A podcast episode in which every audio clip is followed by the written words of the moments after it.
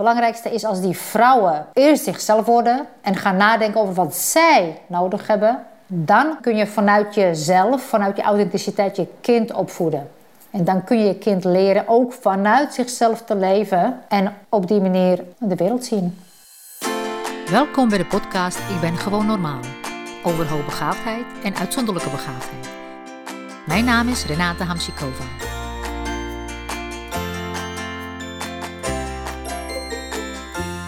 Ik heb sinds kort ook uh, coaching voor uitzonderlijk begaafde vrouwen. En dat is eigenlijk zo gekomen dat ik, uh, uh, nou, ik veel vrouwen spreek via als moeders van kinderen die bij mij komen.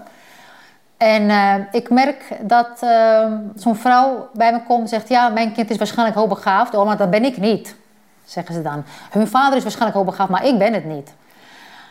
En dat zeggen ze vrij meteen. En ik vaak stel ik natuurlijk vragen uh, over het kind, over de thuissituatie, over de ouderen zelf, over de moeder.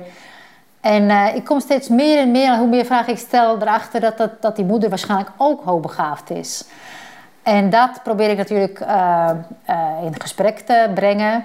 En hoe dat zo zit en waarom ik het zie en waaraan ik zie.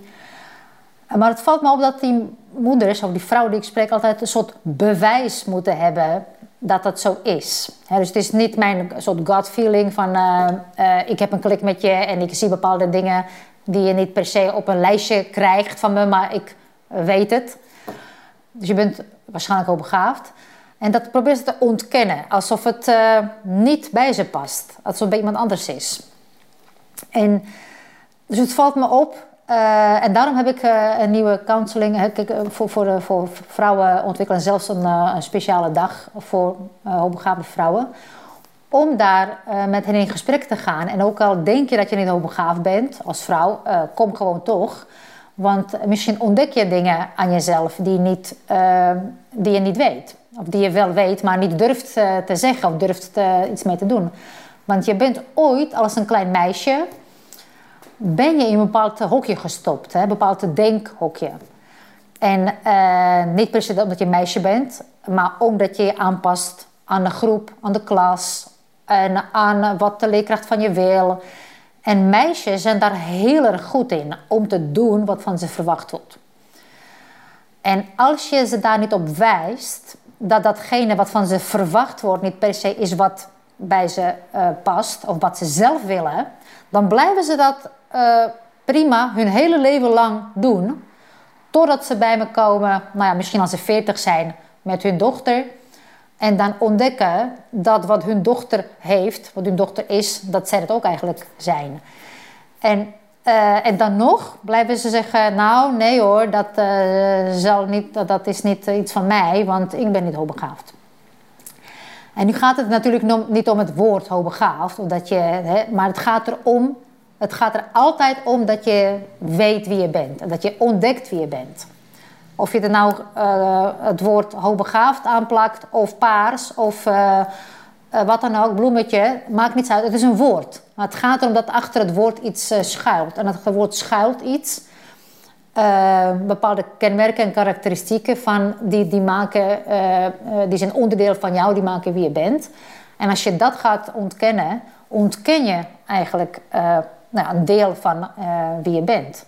Of in ieder geval, je ontneemt jezelf de mogelijkheid om te onderzoeken of dat wel of niet waar is. Dus je zou het kunnen gaan onderzoeken in ieder geval.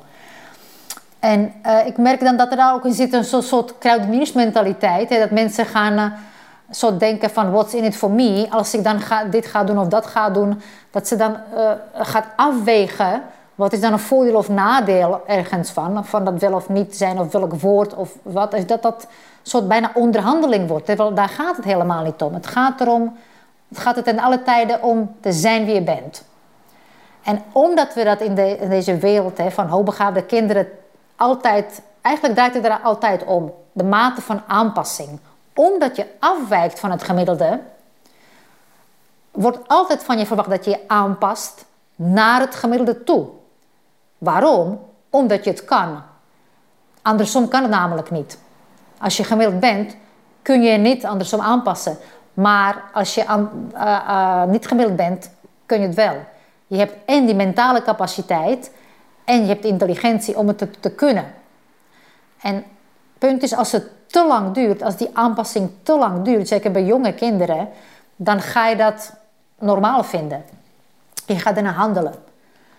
En dat je daar, daarna ziek wordt en uh, dat je daarna steeds koppijn krijgt, hebt en psychosomatische klachten, dat wijt je dan niet toe aan de mate van aanpassing. Dan zou er waarschijnlijk iets anders met je mis uh, zijn. En die link wordt vaak niet gelegd. Dus dat is. Eigenlijk gaat het er altijd om te zijn wie je bent. En welke laag je ook bent, ik heb volgens mij ik heb verteld, uh, vergeleken uh, mensen met een gras, leven in grasprieten of als arend vliegen. Waar je ook bent, het is allemaal goed. Het maakt niets uit. alleen belangrijk is wel dat je in de leefomgeving bent of dat je krijgt wat je nodig hebt. dus dat, dat is wat, wat eigenlijk waar het om steeds om gaat. De mate van aanpassing die sommige hoogbegaafde kinderen iedere dag moeten leveren is zo groot dat ze zich echt 50, 60 IQ moeten aanpassen om überhaupt in een klasje te kunnen functioneren. En het is geen functioneren, het is overleven.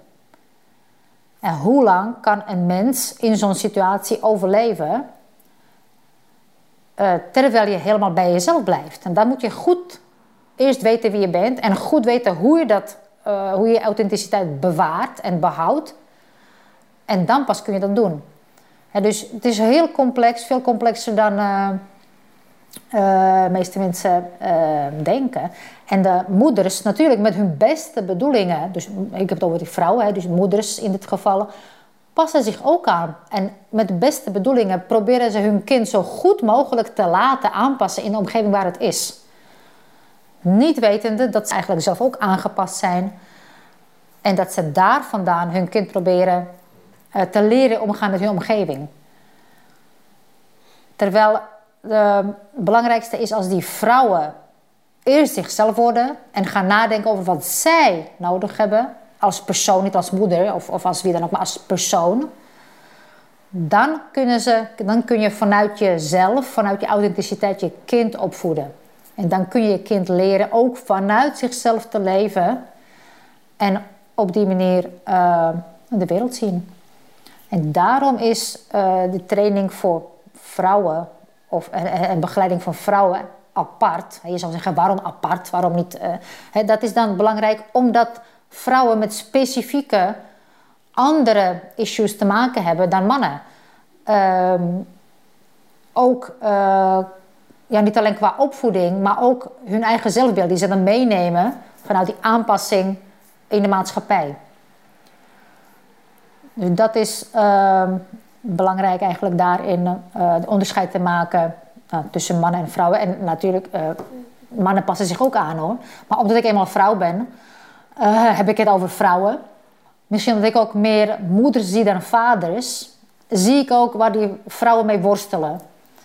En uh, dat kan ik als moeder, als vrouw, kan ik hen daarbij uh, helpen om, uh, om daarmee om te gaan. Als je vragen hebt, kun je me mailen op renata-iq.nl. Tot de volgende keer. Zorg goed voor jezelf en zorg goed voor elkaar.